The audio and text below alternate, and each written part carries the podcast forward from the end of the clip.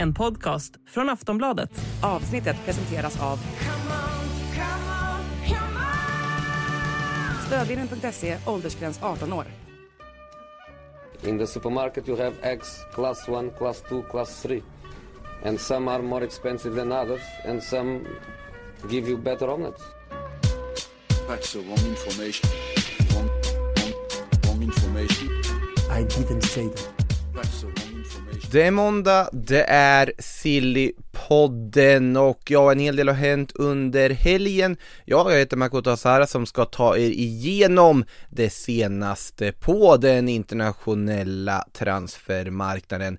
Idag är det faktiskt bara jag igen, det har blivit dags för ytterligare en Silly-monolog eller vad man ska kalla det. Och det har ju givetvis att göra en hel del med att vi har ett ja, VM-anpassat personalschema just nu så att det är många som är upptagna med att bevaka det pågående mästerskapet. Och det är inte konstigt det är såklart, ja, alla minns väl och såg Sveriges otroligt dramatiska seger mot eh, USA här i åttondelsfinalen. Kan bli en väldigt spännande augusti månad här borta i Australien och Nya Zeeland, ni följer ju all bevakning och allt det senaste från det här mästerskapet på sportbladet.se. Kan ju tipsa om 5 plus också som eh, har ju i full rulle med VM-poddar och annat här nu under mästerskapet. Eh, men här ska vi prata om det som sker på den internationella transfermarknaden. Det är inte många dagar kvar nu till ligapremiärer.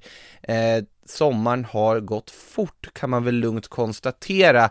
Eh, vi såg ju en Community Shield-tillställning här under helgen, Arsenal mot Manchester City.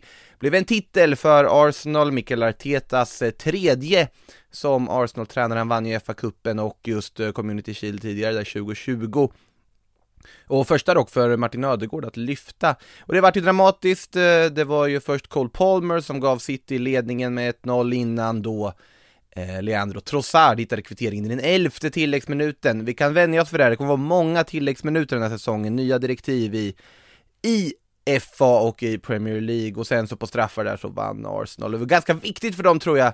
Sen var ju Pep Guardiola tydlig med att ja, det här är Community Shield, det här är inte en titelstrid som man konstaterade när han fick frågan om att de har förlorat tre raka just då så här supercupfinaler i England, att ja, vi har ju vunnit tre Premier League på de där också. Så det säger väl en del om kanske man ska inte dra allt för stora växlar av vad som händer i en i en Community Shield-match var ju trots allt ett år sedan som Darwin Nunez överglänste Erling Braut Haaland i just en sån match för övrigt. Eh, nog om det, jag ska säga det att City, vi får väl se vad de hittar på, det går ju att argumentera för, behöver de offensiv förstärkning, det ryktas väl lite hit och dit, framförallt kanske de spelare som ska bort därifrån. Eh, men de har ju också presenterat en spelare som kommer in, nämligen Josko Gvardiol, som blir en av de dyraste försvarsspelarna genom tiderna när han värvas för, från Leipzig för 90 miljoner euro. Otrolig värvning, eh, går inte att understryka det, mer 21-åring som, ja, spelar som han har varit med betydligt mycket längre, komplett försvarsspelare, kan användas på kanterna också. Eh, och jag gissar väl på att han kommer till exempel kunna gå in och användas i Manuela Kanjis roll till vänster. Han kommer kunna användas centralt tillsammans med Ruben Diaz eller med eh, John Stones. Eh, och det finns eh, absolut utrymme för att spela Josko Guardiol. Ja, det är en otroligt smart och eh, fin värvning för City, en av de bästa den här sommaren skulle jag vilja lyfta det som till och med en, en kroatisk försvarsspelare jag håller väldigt, väldigt högt. Eh, samtidigt pratas det mycket om spelare ut från City också i det här läget och då pratas det mycket om Bernardo Silva. Enligt ja, diverse uppgifter i Spanien ska ju Barcelona ha presenterat ett bud. Men eh, City vill ju inte sälja, de vill gärna behålla Bernardo Silva. Samtidigt, om det är något som man vet om Manchester City, är att Pep Guardiola, han vill inte ha spelare som inte vill vara kvar. Eh, då är han redo att sälja. Frågan är dock om Barcelona har pengarna för att kunna betala en summa som City är nöjda med för att släppa Bernardo Silva. Det pratas ju om att de ska erbjuda någon form av lån med köpobligation och så vidare. Både för Bernardo Silva och även Joao Cancelo som de också vill ha till eh, högerbackspositionen. Eh, vi får väl se om de lyckas värva någon av dem. Men det är ju mycket annat att prata om i Barcelona och vi kan gå rakt till Barcelona som, ja efter en mer lugn och sansad start på den här transfersommaren, alltså juli månad känns som att det var mest ordning och reda i Barcelona. Man plockar in Oriol Romeo istället för Sergio Busquets. Ganska rimlig, sansad värvning egentligen. Han är inte, Ja, det är inte den sexigaste värvningen, men det, det är ingen dum värvning heller och han har imponerat hittills tycker jag också. Ilka Gündogan på fri transfer, kanonvärvning, Inigo Martinez var en spelare som Xavi vill ha in också, ingen dum värvning där heller. Men de är ju inte klara för nu har det börjat bli lite rörigt borta i Katalonien och mycket har att göra med Osman Dembélé. Vi har ju suttit här tidigare och eh, gjort klart att han via då den här privata klausulen ska hamna i Paris Saint-Germain och att Barcelona mer eller mindre inte kan göra någonting åt det. Men i dagsläget håller Barcelona på att förhala hela den här processen. De försöker att liksom sakta ner alltihopa. Man svarar inte på mail när PSG försöker att boka in läkarundersökning. Man sitter och ja, lusläser kontraktet för att se om man verkligen inte kan få ut mer pengar av det här avskedet. Och samtidigt, mitt i det här, så är ju faktiskt Osman Dembélé tillbaka och tränar som att ingenting har hänt med klubben. Så det är en jätteunderlig situation där Dembélé just nu ligger i någon form av limboläge väntandes på att Barca ska ge klartecken för att han ska få genomföra sin flytt till PSG, han är ju överens med ett femårskontrakt och så vidare. Eh, och där Barcelona då på något sätt försöker titta på andra utvägar. De ska ju bland annat då också förhala hela den här processen för att man har tydligen då fått ett bud eller liksom kontakt från Al-Hilal i Saudiarabien eh, som vill ge mer i transfersumma, de vill ge mer i lön och så vidare och Barcelona vill ju hellre då sälja till, eh, till den saudiska ligan. Osman Dembélé, inte så intresserad av att flytta till den saudiska ligan och han är helt inställd på PSG. Så det är ju lite av ett waiting game just nu där Barcelona, jag helt enkelt inte bara Ja, de svarar inte på mail, om jag säger så, och Dembélé tränar, jätteunderlig situation. Eh, men samtidigt pratas det ganska mycket om andra spelare som skulle kunna flytta mellan just Paris och Barcelona. Eh, och då tänker jag givetvis på Neymar. Denna 31-årige brasilianske trollgubbe och bollartist, en av de mest sevärda fotbollsspelarna i världen i mitt tycke, som ofta faktiskt på något underligt vis an kan anses vara ganska underskattad. Jag tycker att han har otroliga spetsegenskaper eh, som jag tycker han får lite för lite cred för och absolut att han har på något sätt agerat i skuggan sedan 2017 borta i eh, Paris har väl en del att göra i att kanske inte alla ser Neymars storhet på det sättet och att han inte riktigt har lyckats med det brasilianska landslaget och skadorna och så vidare givetvis också. Men Neymar ska i alla fall vara ganska sugen på att flytta hem, flytta tillbaka till Barcelona. Och PSG ska vara ganska sugna på att bli av med Neymar, de har ju blivit av med Lionel Messi och Kylian Mbappé kommer vi in på sen.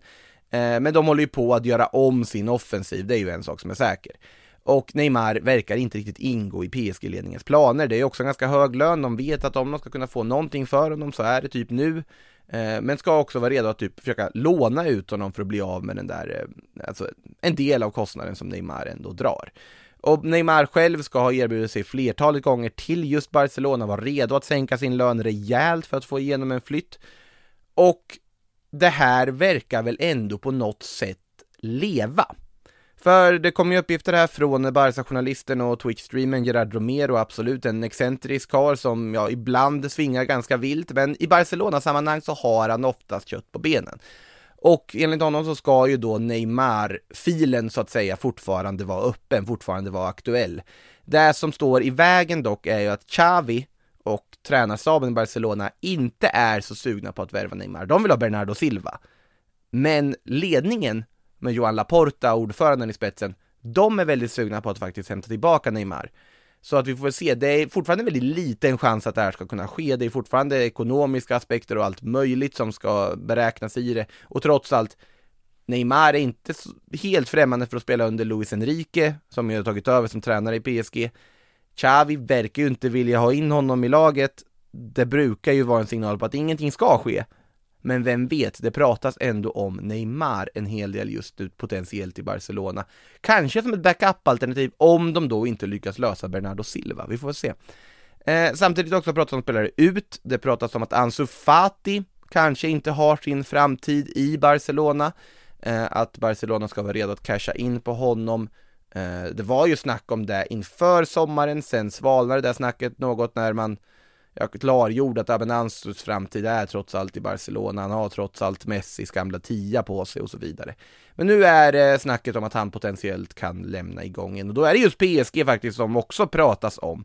Frågan är om man vill skicka Ansu kanske dit för att på något sätt behålla Dembélé, vem vet? Det är väldigt rörigt i alla fall just nu i relationen Paris Saint-Germain och FC Barcelona. Desto mindre rörigt då att Frank Kessie verkar vara på väg bort och det är inte någon Premier League-flytt eller tillbaka till Serie A.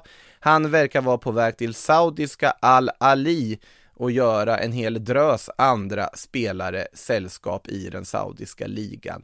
Eh, det var kanske inte det man trodde var det som skulle locka Frank Kessie att lämna Barcelona och ge upp på det här eh, ja, det här projektet som han höll på med, alltså han hade ju ett ganska jobbigt första år där han inte lyckades slå sig in i laget, men Kessie utåt sett har ju varit tydlig att, ja men han vill lyckas i Barca.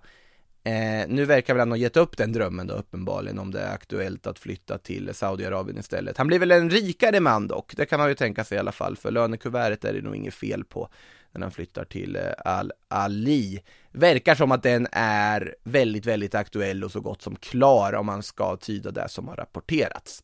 Tillbaka till eh, Paris med det också.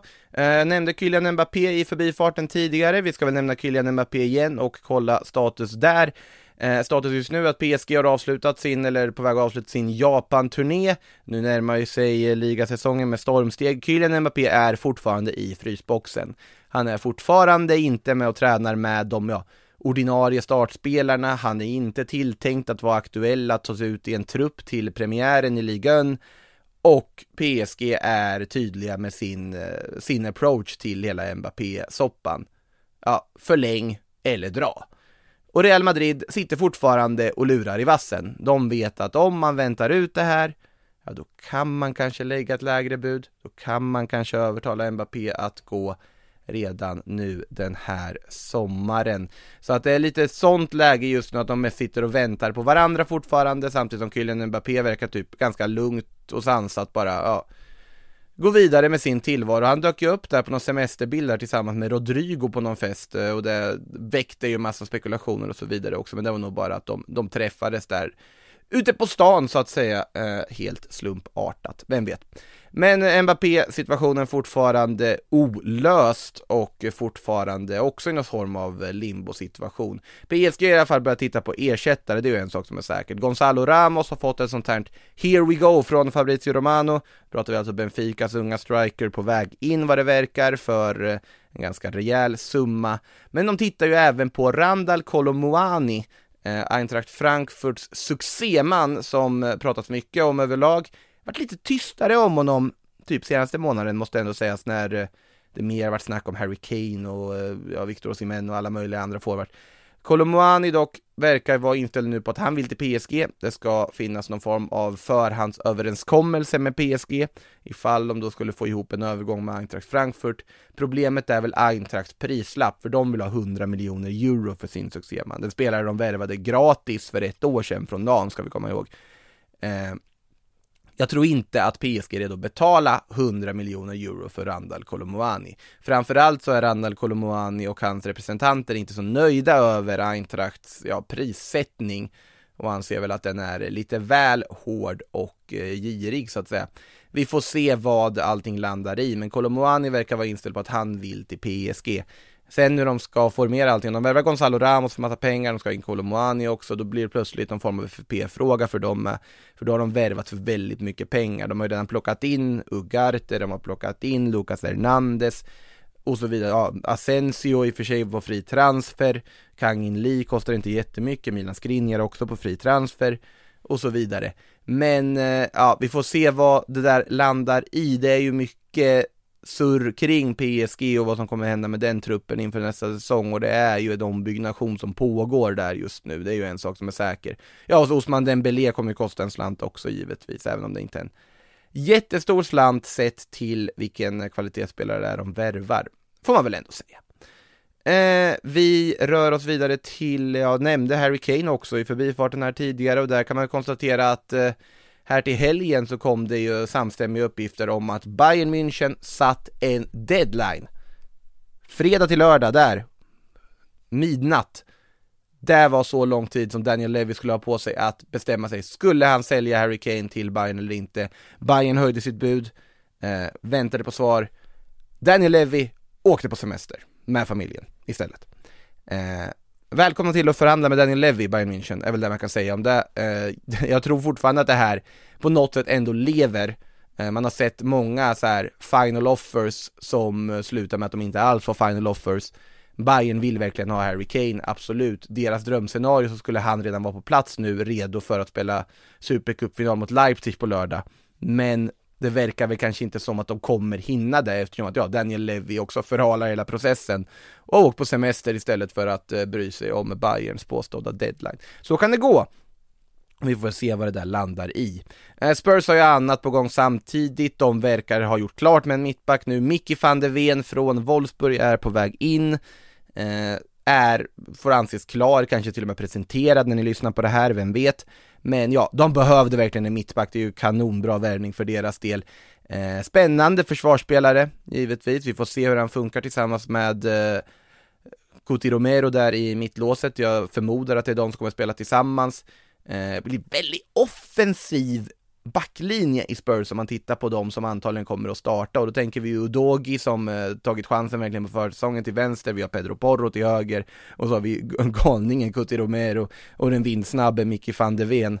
Eh, rörig försvarslinje, men jag tycker ändå att det finns positiva tendenser i Tottenham som man har sett under försäsongen och det blir väldigt spännande att se vad eh, Ernst Postecoglou har satt ihop här nu, eh, lagom till Premier League-premiären här i helgen. Eh, men mittbacken behövde de, jag kan argumentera för att de skulle behöva ännu en mittback kan jag till och med tycka. Men Micke van der Ven är i alla fall på väg in, så gott som klar. Eh, det är ju en bra start om inte annat och det är ju fortfarande ganska långt kvar av transferfönstret ska vi säga. Eh, vi kan eh, riva av lite annat som blivit officiellt, en hel del frågor som jag tänkte passa på att besvara när jag sitter här eh, i min ensamhet i studion, eh, förklarliga skäl. Eh, får tacka för alla frågor som kommit, vi kommer in på det senare, men ska bara riva av lite annat som är officiellt här nu. Guardiol rev vi av tidigare, eh, jag ska konstatera att Chelsea har lyckats i en förhandling med Brighton till slut, men det är inte om Moises Caicedo utan det är om Robert Sanchez målvakten som eh, då ska komma in för att eh, konkurrera med och avlasta Kepa Arrizabalaga, rak ersättare till Edward Mendy som flyttat till Saudiarabien. Eh, Robert Sanchez fanns ju ingen framtid för i Brighton med tanke på att Brighton, jag började satsa på Jason Steele mitt under säsongen i fjol och har också värvat den unga lovande Bart Verbryggen till målvaktsuppsättningen så det blir ju snarare en konkurrenssituation mellan Steele och Verbryggen kommande säsong. Robert Sanchez eh, får hoppas på att slå sig in i Chelsea istället, vi får se. Det är väl en så här, ganska intetsägande lösning, om, man, om ni förstår vad jag menar. Det finns ju såklart mer spännande målvakter på marknaden, men Robert Sanchez är väl bättre än ingen i det här läget. Och uppenbarligen så verkar ju Chelsea ha förtroende för Kepa Arrizabalaga, att han ska kunna vara någon form av första målvakt. Om inte Robert Sanchez har tänkt att vara det, vem vet. Också officiellt är att Manchester United har fått sin nya anfallare, Rasmus Höjlund är presenterad. Eh, den danske supertalang från Atalanta, prislappen saftig, ska sägas, den är saftig. Sett till vad han har åstadkommit hittills, jag har varit inne på det, jag har mina tvivel kring om Rasmus Höjlund här och nu är spelaren som United önskar sig och vill ha och förväntar sig få. Jag hoppas att de här förväntningarna ligger på en rimlig nivå och att man har tålamod med Rasmus Höjlund. Jag skulle säga att om han gör tvåsiffrigt antal Premier League-mål kommande säsong så har han gjort en fullt godkänd första säsong. Det är mer än vad han har gjort i någon klubb innan.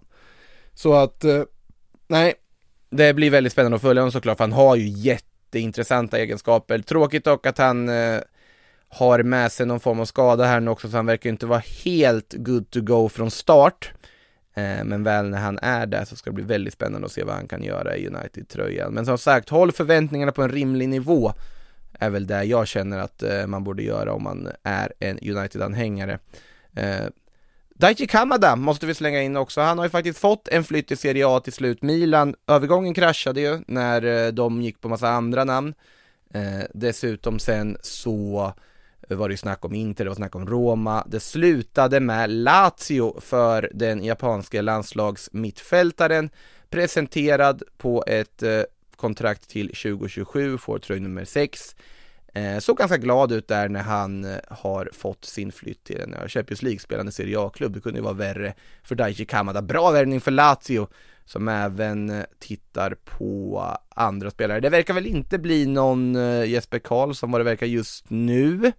Men vem vet, det är långt kvar av fönstret fortfarande. Daji Kamada dock, bra, viktig värvning för eh, Lazio skulle jag säga. Få in en offensiv mittfältare efter att då Sergej Milinkovic Savic försvunnit. Helt annan speltyp, jag vet, men fortfarande offensiv mittfältare likväl som kan skapa saker och fördela boll och driva boll och allt möjligt. Ja, det är väl inte en silly-podd sommaren 2023 utan att man också konstaterar att det finns lite nya uppgifter kring spelare som är aktuella för flyttar till Saudiarabien. Ja, som sagt, Frankesi nämnde vi tidigare. Al-Hilal nämnde vi tidigare när vi pratade om Osman Dembélé. Kanske mer rimlig jakt för Al-Hilals del är den de har, verkar ha inlett på Joao Felix. Joao Felix som inte har någon intention att eh, tränas av Diego Simeone i Atletico Madrid kommande säsong, som öppet, ja, via Fabrizio Romano då, eh, deklarerade och liksom berättade om sin kärlek till Barcelona och sitt driv att gå dit. Barca ska väl ändå ha något visst intresse där fortfarande, eller i alla fall någon form av tråd ute. Huruvida de kan lösa någonting med Atleti ska dock låtas vara osagt och Joao Felix vill nog dit. Men Al-Hilal verkar ändå vara någon form av backup-plan för den unge portugisen ifall det är så att det inte löser med något annat för att vara kvar i Atletico verkar inte vara på tapeten för honom just nu. Eh, desto mer eh, osannolikt är väl eh, uppgifterna om att Al-Ittihad vill värva Mo Salah. Eh, det finns ju inte på kartan att Salah skulle lämna i det här läget när han för ett år sedan förlängde sitt kontrakt. Det var väl det hans agent gick ut och sa också. Varför skulle vi förlänga om vi hade tänkt att lämna? Eh, Al Ittihad ska i alla fall lagt ett väldigt lukrativt bud till Liverpool, eh, har det rapporterats. Jag tror att vi kan ta det med en ganska rejäl nypa salt.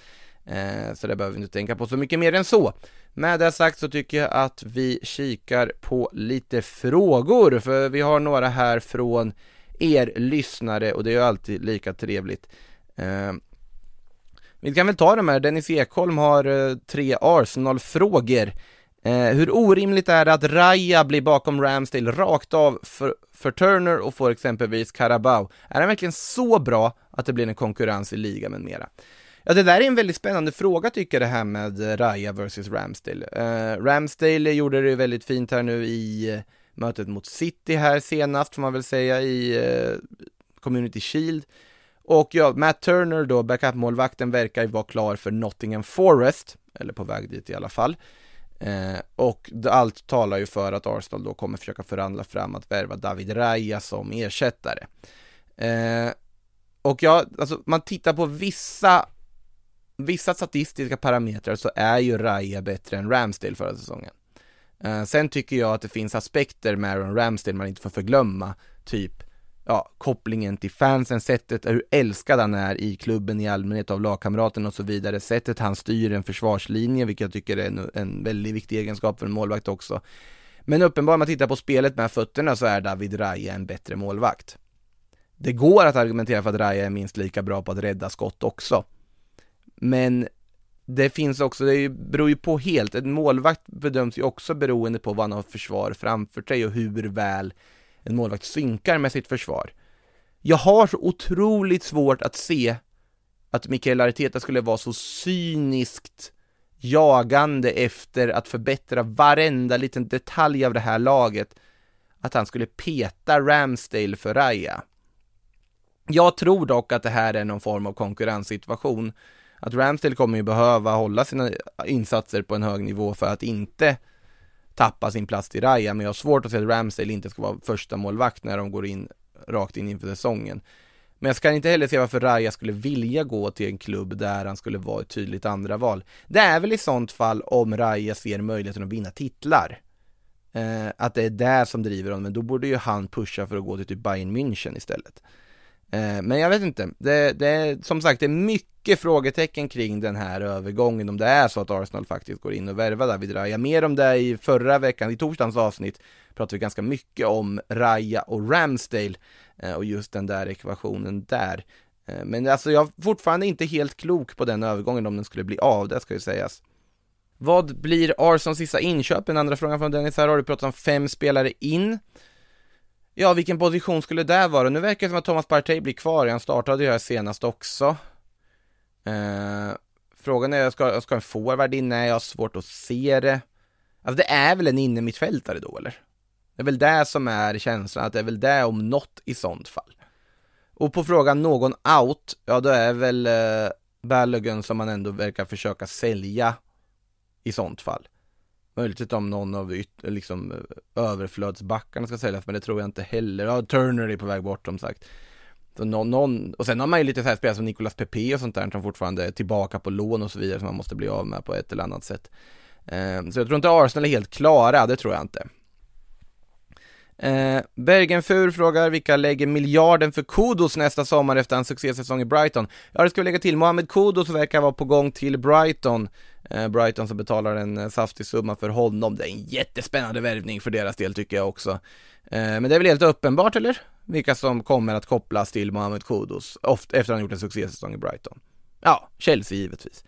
Eh, det är väl det som är känslan, men jag tror väl ju att eh, om Kudos gör det riktigt bra i Brighton, då kommer det inte bara vara Chelsea som är intresserade, det kommer pratas om United, det kommer pratas om Liverpool, det kommer pratas om Arsenal och så vidare. Helt övertygad om det. Eh, men framförallt, vilken värvning av Brighton om de får igenom den här. Det, det känns väldigt, väldigt bra för deras del i alla fall att plocka in eh, Mohamed Kudos, det måste jag säga. Eh, CFC Sver frågar, eller P. Sverker här, senaste nytt om Caicedo och är Tyler Adams ett bra alternativ ifall Caicedo inte blir signad? Ja, det är väldigt intressant eh, så här, liksom backup-alternativ som dyker upp när det kommer till just Moises Caicedo. Den där förhandlingen har man ju fastnat i fullkomligt. Eh, nu var ju i och för sig De Cherby väl ute här nu i helgen och pratade ganska luddigt kring Caicedo huruvida han faktiskt blir kvar i klubben eller inte och mer liksom på något sätt accepterande mot en potentiell försäljning. Jag tror ju att de kommer lösa Caicedo till slut. Jag tror ju att de kommer hitta en överenskommelse till slut. Jag har så svårt att se att de inte ska göra det när de har suttit i den där jakten hela sommaren. Eh, jag tror ju att de kommer lösa det, förr eller senare. Ehm, och frågan, eh, liksom andra frågan är om Tyler Adams är ett bra alternativ. Jag tycker Tyler Adams är ett spännande alternativ. Det är absolut inte en Moises Caicedo.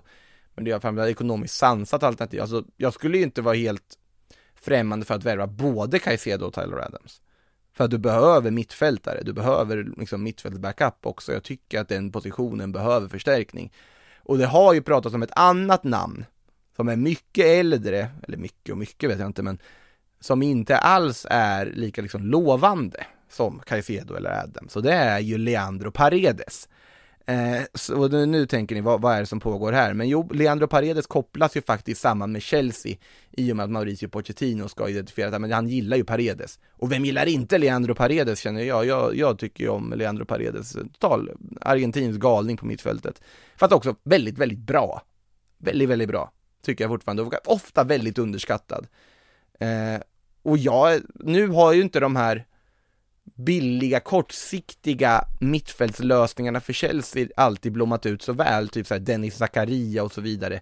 Och Paredes känns som någon skulle kunna hamna i samma kategori på att liksom gå till Chelsea på någon form av lån, bli inget lyckat där och så tillbaka till, eh, nu vet jag inte ens om det är Juventus eller PSG som har honom mer med tanke på hur rörigt det är, men ja. Är det, jag tycker i alla fall att eh, Paredes är inte ett helt dumt alternativ. Eh, det ska jag ändå säga. Ja, han tillhör ju såklart PSG igen numera, ja. Efter att eh, lånet i Juventus inte blev så jättelyckat. Jag trodde det skulle bli ett succélån ska sägas. Eh, det blev det inte, eh, kan vi lugnt konstatera. Men jag kanske också tycker om Leandro Paredes lite för mycket än vad som är normalt. Eh, fortfarande en av de eh, höjdpunkterna på fotbolls-VM i Qatar var när Paredes drog den där bollen eh, rakt ut i, i läktaren och startade gruffet där i Argentina, Nederländerna. Otrolig match. Eh, vi går vidare. Vad tycks om ryktet kring Mittomati City, må vara lösa rykten på Twitter. Ja, det är ju då om, ja, fråga från Oskar där då, det är ju då frågan om, ja, om City ska värva något mer offensivt. Nu utgår ju Kauru Mittoma från vänster, vilket också Jack Grealish har gjort. Så jag skulle väl snarare propagera för att man försöker värva någon som utgår från höger. Och jag tycker ju att nu kommer inte det vara aktuellt i och med Barcelona upptagna med att sälja andra yttrar, men Rafinha hade ju varit ganska passande. Jag tror att han hade funkat väldigt, väldigt bra i den rollen som är tilltänkt där i ett Guardiola-lag. Framförallt om du inte har Kyle Walker till höger utan väljer att spela typ Nathan Aki eller någon där istället. Eh, då tror jag att det har varit väldigt spännande att ha Rafinha som liksom slickar kanten där ute till höger och, och kan göra sin gubbe och så vidare. Det har varit en väldigt bra ersättare till, eh, till Mares. Men som sagt, ja, Cole Palmer tog ju, visade verkligen att han tänker ingå i ekvationen kommande säsong. Tycker att han gjorde med sitt väldigt pigga inhopp han gjorde mot Arsenal. Eh, och känslan kanske är att i dagsläget kanske det är Palmer som kommer att bara rakt av ersätta Mares. Du har ju också Phil Foden är ju lite av ett sparkapital fortfarande. Julian Alvarez hade en första säsong där han var lite in och ut ur, ur laget, men jag tror att han kommer användas mycket mer frekvent den här säsongen. Kan användas på kanten också. Är inte otänkbart att Guardiola känner att de är nöjda så här. Däremot om Bernardo Silva skulle lämna, då börjar det bli snack och de verkligen behöver värva en ytter. Men framförallt vill de väl ha någon som utgår från höger då. Mittoman skulle mycket väl kunna göra det, absolut. Men ja, det är fortfarande lösa rykten. Inte bara på Twitter, det var väl The Sun som var ute med dem, men det får väl också ingå i kategorin lösa rykten, möjligtvis. Eh, nu ska vi se, Bear Hellstream frågar hur många värvningar är United från att börja konkurrera om ligatiteln? Vilka värvningar behövs? Ja, alltså nu har de ju, jag tycker att de, de har ju liksom behandlat målvaktsfrågan, de har fått in André Onana, de har fått in en offensiv mittfältare i form av Mason Mount, de har fått sin nia i form av Rasmus Höjlund. Och absolut, man kan argumentera för är det rätt person eller rätt typ de väljer till de olika positionerna.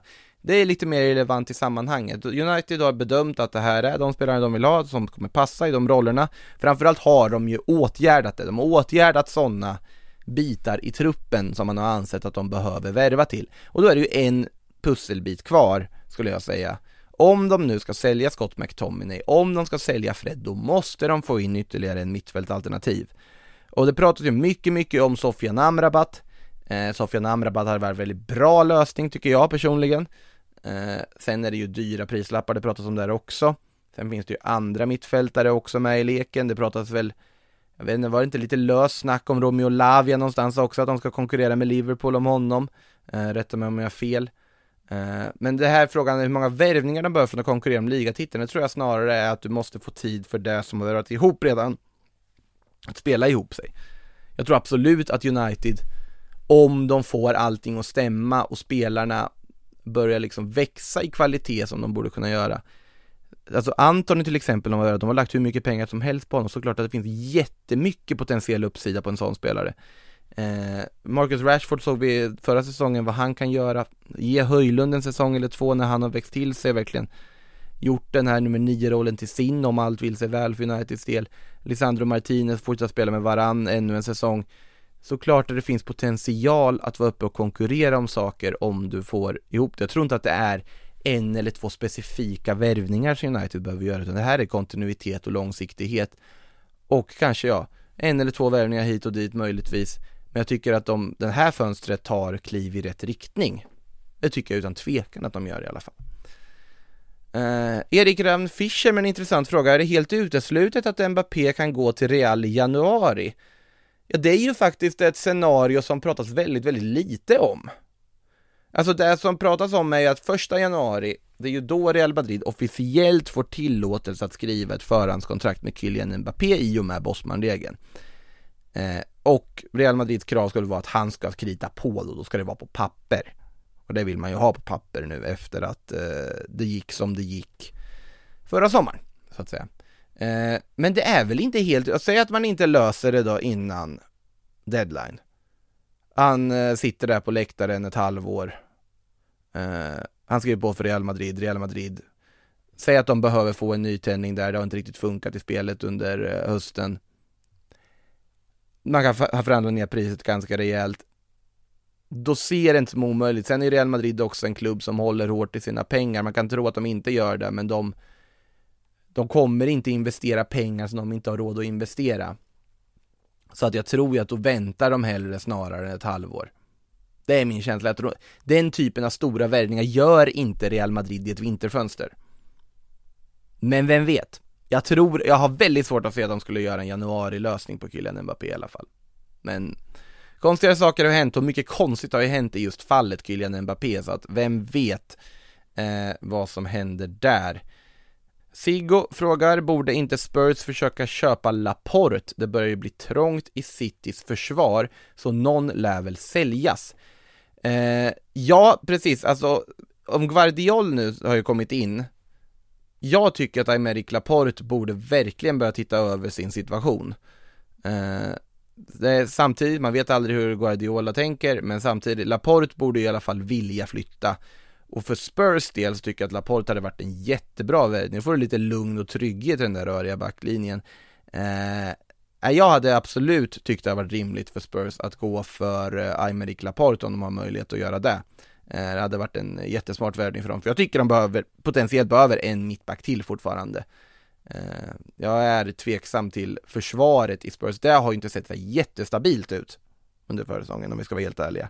Däremot offensiven och mittfältet tycker jag vill se väldigt lovande ut. Vi får se om de får behålla Gio Lo så här nu också, att han faktiskt får blomma i en Spurs-tröja som jag hoppas han kan göra någon gång. Han, han har inte haft tränare som passar honom innan i Tottenham, det ska ju sägas. Alltså, men det verkar väl som att Angendo är öppen för att behålla honom istället för att låna ut honom igen eller sälja honom.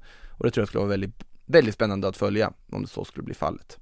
Mer Spurs då, eh, uh, Gustav Fransson slänger upp där just att det finns ju spelare man vill bli av med. Nu är ju en Dombele och Spence uppe till försäljning enligt uppgifter. Trodde man inte skulle funka bättre för en Dombele, vart har han vägen? Ja, det är en väldigt bra fråga vart uh, Tango Ndombele ska ta vägen härnäst. Eh, det finns ju alla möjliga olika alternativ man kan tänka sig. Framförallt tänker man väl sig att det blir antingen lån eller någon form av reapris. Eh, och jo, såklart man trodde det skulle funka bättre för honom när de värvade honom. Det trodde nog alla. Men det vart inte en lyckad värvning och det kan vi konstatera. Alltså, ja, det är nog alla överens om att det vart inte som man hade väntat sig. Eh, jag tror inte att en har samma kanske möjlighet att få en renässans i Spurs-tröjan under Range som jag ändå ger Lo Celso att få. Men vem vet, nu verkar han ju som sagt en uppe till försäljning och det är väl av en anledning i sånt fall också.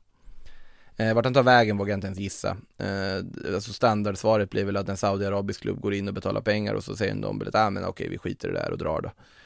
Eh, det hade inte förvånat, om man säger så. Dallas frågar när ska Liverpool börja värva egentligen? Ligan börjar denna veckan, känns det väl som det kan bli en Artur 2.0 om de inte börjar agera snart. Alltså Artur 2.0, då måste du ändå leta ganska långt ner i byrålådan så att säga. Alltså, Artur-värvningen som gjordes där på deadline förstår inte jag med tanke på att han typ var skadad när de värvade honom. Och framförallt så kändes det inte ens som att det var den mittfältstyp de egentligen behövde värva där och då. Eh, men ja, känslan blir väl mer och mer, alltså Lavia tror jag ju att de kommer lösa till slut. Eller? Alltså känslan är väl att de borde göra det, de har ju varit fast i det här Lavia-spåret ganska länge nu. Sen är ju Liverpool väldigt bra på att värva spelare som det inte pratas någonting om, att det plötsligt bara dyker upp uppgifter att det är ja, Ornstein eller Joyce eller vem som helst som plötsligt bara basunerar ut att ja, han är, eh, den här spelaren är värvad av Liverpool. Men väldigt bra på att hålla sånt hemligt tills det typ är klart. Så att det kan ju plötsligt bara dyka upp ett mittfältsnamn vi inte har pratat om på ett tag som plötsligt är klar för Liverpool, vem vet? Um, men oavsett, ja jag håller ju med om att de borde börja försöka agera. Nu kanske de har lag på pappret till att kunna hantera starten på ligan när vi får väl se. Och det är långt kvar av fönstret. Men eh, ja, de behöver hitta fler mittfältare med tanke på att både Jordan Henderson och Fabinho också lämnat. Nu tycker jag väl att både McAllister och Soboslaj är väldigt bra värvningar. Men också, det pratas om att de behöver en ny försvarsspelare Det tycker jag inte är lika panikartat att behöva lösa här och nu som jag tycker att en mittfältare är eh, men de har ju Curtis Jones att tillgå och så vidare som väl säkert, alltså absolut håller för att spela här i början. Allt i frågan hur mycket håller det här över en hel säsong och då har du fortfarande transferfönster på dig, eller ja, närmare en hel månad på dig att värva. Eh, Ville Sundberg, du frågar här också om Liverpool, Liverpool säsong börjar den vecka, jag tänkte att kanske Elliot och Jones kommer ha stora roller den här säsongen. Jag tror de kommer ha större roller, det är jag nog ganska övertygad om, känslan är väl där i alla fall. Eh, och jag tror väl att Curtis Jones ligger väl väldigt bra till att starta en premiär i dagsläget. Det är min känsla jag får i alla fall utifrån hur de har ställt upp tidigare och så vidare. Eh, vi får väl se vad det, vad det landar i, men absolut, Liverpool är inte klara med det här fönstret. Jag har väldigt svårt att se att de ska vara där i alla fall. Eh, ja, en fråga från Oliver Johansson. Efter alla Arsenals värvningar, lyft den förbättrade bredden Ändå kliver man in säsongen med en bänk bestående av Tierney, Emil Smith Rowe, Nketiah, Trossard, Viera, Kivior, Holding, Tomias och Turner. Ja, Turner ska ju dra i och för sig. Inte en dålig bänk om man har några skador, men inte den hypade bredden överdriven. Ja, alltså det finns ju många som så argumenterar för att Arsenal borde värva en anfallare. Eh, vi kan ju ta upp frågan från Finlir mitt i det där. Ingen Balogun i truppen för Arsenal igår och Eddie verkar falla ner i rangordningen. Finns möjligheten att båda säljs och en ny anfallare plockas in. Jag har väldigt svårt att se att han ska sälja Eddie Nketiah. Men sen kan man argumentera för att Edin Nketiah är tillräckligt bra för att vara backup. Uppenbarligen tycker ju Mikael Arteta att i det här läget när Gabriel Jesus saknas att spela Kai Havertz som forward ett bättre alternativ än att spela Edin Kettia. Jag kan hålla med honom. Sen finns det ju en spelare här som faktiskt funkar ganska bra i den centrala rollen också och som jag tror kommer vara väldigt, väldigt nyttig för Arsenal under den här säsongen. Det är ju Leandro Trossard som verkligen imponerat under försäsongen som jag tycker, alltså otroligt smart värvning med facit i hand.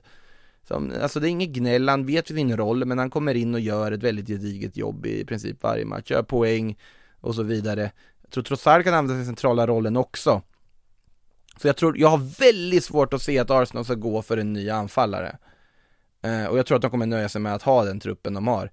Eh, för det är ju också så här, vissa av de här spelarna är sådana som, som man räknar med också, att Emil Smith Rowe blir nästan som ett nyförvärv man ska ha en större och viktigare roll kommande säsong och det är väl bra för honom och du får inte glömma att ha liksom också spelare som har en, en koppling och är egenfostrade och så vidare. Eh, så att nej, det är, och så till exempel Timber är ju inte tänkt att spela vänsterback egentligen, väl? Alltså det, Sinchenko är ju skadad också just nu. Så att absolut. Sen att man hypar bredden, ja det kan väl till viss del bli överdrivet ibland också, men jag tror att ur Arsenals perspektiv här och nu så kommer de ju inte börja gå att försöka börja bygga en citybredd, om vi säger så. Uh, så nej, jag tycker väl inte, jag tror inte att de kommer gå för en forward, det är väl där jag, min slutsats här i alla fall. Gustav Fransson, tror du inte att Kane kritar på nytt om han inte lämnar i sommar eller är det bara en känsla jag har? Eh, jag tror inte han kritar på nytt. Då tror jag att han lämnar på fri transfer. Eh, jag tror att det är inte otänkbart att han gör det. Eh, är känslan. Alltså Tottenham har ju haft sin chans att sälja på något sätt och de har fortfarande sin chans att sälja. Eh, men jag tror att Harry Kane är inställd. Men det beror, allt beror väl på om Tottenham skulle ta en Champions League-plats och allting är frid och fröjd och han ser att han kan vinna titlar där så klart att han skulle kunna övertala och stanna ändå.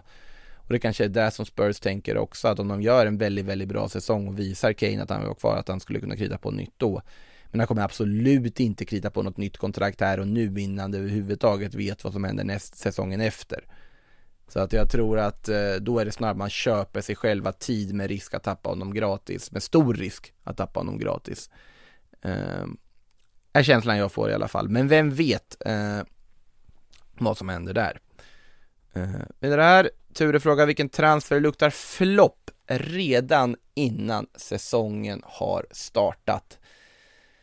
Ja, Alltså det har ju gjort en hel del värvningar som man skulle kunna tänka sig skulle kunna bli mer eller mindre floppartade.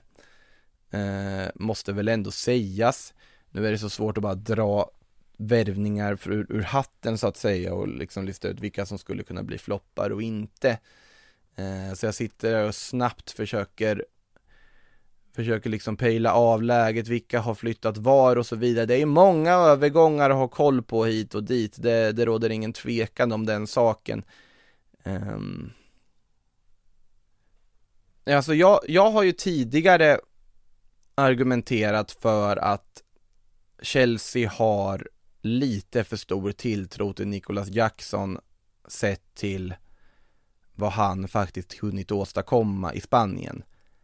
Med det sagt, han har ju imponerat under försäsongen och så vidare och det där är också en ung spelare som kan bli bra på sikt. Men jag har mina tvivel kring hur bra han kommer vara här och nu för eh, Chelsea. Eh, samma gäller väl egentligen Rasmus Höjlund på så vis, men också en supertalang. Det kommer bli jättespännande att följa honom och det här är ju jag tycker det är väldigt hårt att kalla de här spelarna floppar även om de skulle göra en svagare första säsong om vi säger så. Så att eh, jag vill absolut inte sträcka mig så långt när det gäller dem än så länge. Eh, annars, alltså nu tittar jag liksom, om man tittar på Premier League lagen så tycker jag att det finns väldigt få, alltså Kai Havert, vem vet hur det kommer gå för honom? Vad, han, det känns fortfarande lite diffust hur han är tänkt att använda. Sen har jag väldigt stor tilltro till Kai Havert som spelare. Jag tror att det kan ändå bli, bli väldigt bra. Eh, vi får se, se vad det landar i, så att säga. Eh, någon jag är lite tveksam på om det verkligen är en smart värvning Barcelonas, till exempel är ju så här Inigo Martinez. hur lyckad kommer han vara i Barca-tröjan? Kommer han ens liksom konkurrera och spela? Väldigt mycket som är oklart där på så vis. Eh, men jag vet inte om jag skulle säga att det luktar flopp på något sätt. Eh, det är jag väl lite mer tveksam till att eh, vilja sträcka mig så långt som att säga. Uh, nej men det, det, det, finns ju såklart spel, såklart det kommer finnas värvningar som kommer anses vara floppvärvningar. Så är det. Uh, sen tycker jag att de här unga spelarna som jag lyfte först här nu, att det är väldigt hårt att kalla dem floppar även om de skulle ha sämre första säsonger. Uh, Timothy Weah i Juventus, alltså man vill inte gå till det här Juventus i läget som det är just nu. Det är lite så känslan att det skulle kunna bli en, en ganska svag värvning med facit i hand möjligtvis att han inte riktigt hittar rätt. Eh, just det, apropå unga spelare så måste jag ändå lyfta en officiell värvning som jag tycker är väldigt, väldigt spännande och den har Crystal Palace gjort. Eh, för de har ju värvat Matteus Franca, eh, offensiv mittfältare från Flamengo, 19 år gammal, som, ja, håll koll på honom ifall han får chansen och speltid där, för det där är en supertalang om man har förstått det rätt i alla fall, som kan bli väldigt spännande att se. Väldigt eh, pigg värvning av Palace måste sägas. Eh, nu börjar jag få slut på ord höll jag på att säga, så det börjar bli dags att runda av dagens Sillypodd. Eh, men vi ska avsluta med en fråga om Valencia. J. Lydig undrar, får Baraja kicken nu när han öppet beklagat sig över Valencias brist på värvningar? ja, vem vet, det är Valencia under Peter Lim och Meriton. Det kan bli vad som helst, när som helst och det, det enda vi kan veta är att det kommer ju inte göras bra saker i alla fall.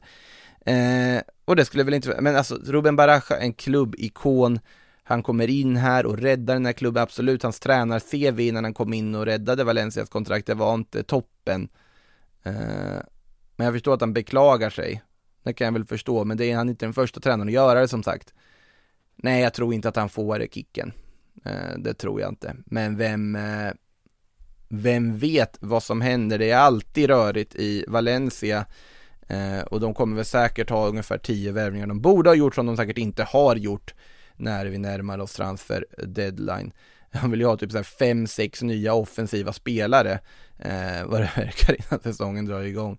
Så att det är ju Uh, oroväckande läge, de har blivit av med Cavani, Klövert och Lino. De behöver värva nya spelare offensivt, men de, de lägger ju aldrig pengar.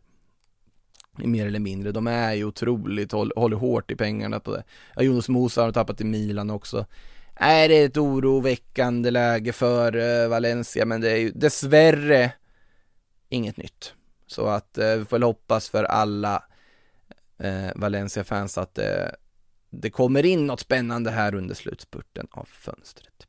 Ja, kan man kalla det här slutspurtet av fönstret? Det är den 7 augusti idag, transferfönstret stänger 1 september, det är alltså mindre än en månad kvar innan det är färdigshoppat för denna sommar, men vi har ju massa lösa trådar, vi har ju Neymar, vi har Mbappé, vi har Harry Kane, det är mycket stora spelare som fortfarande skulle kunna röra på sig innan det här fönstret stänger och som är i högsta grad aktuella för flytta. Så det kan bli väldigt spännande deadline day som kommer där längre fram om inte klubbarna skyndar på lite här nu under eh, den här månaden.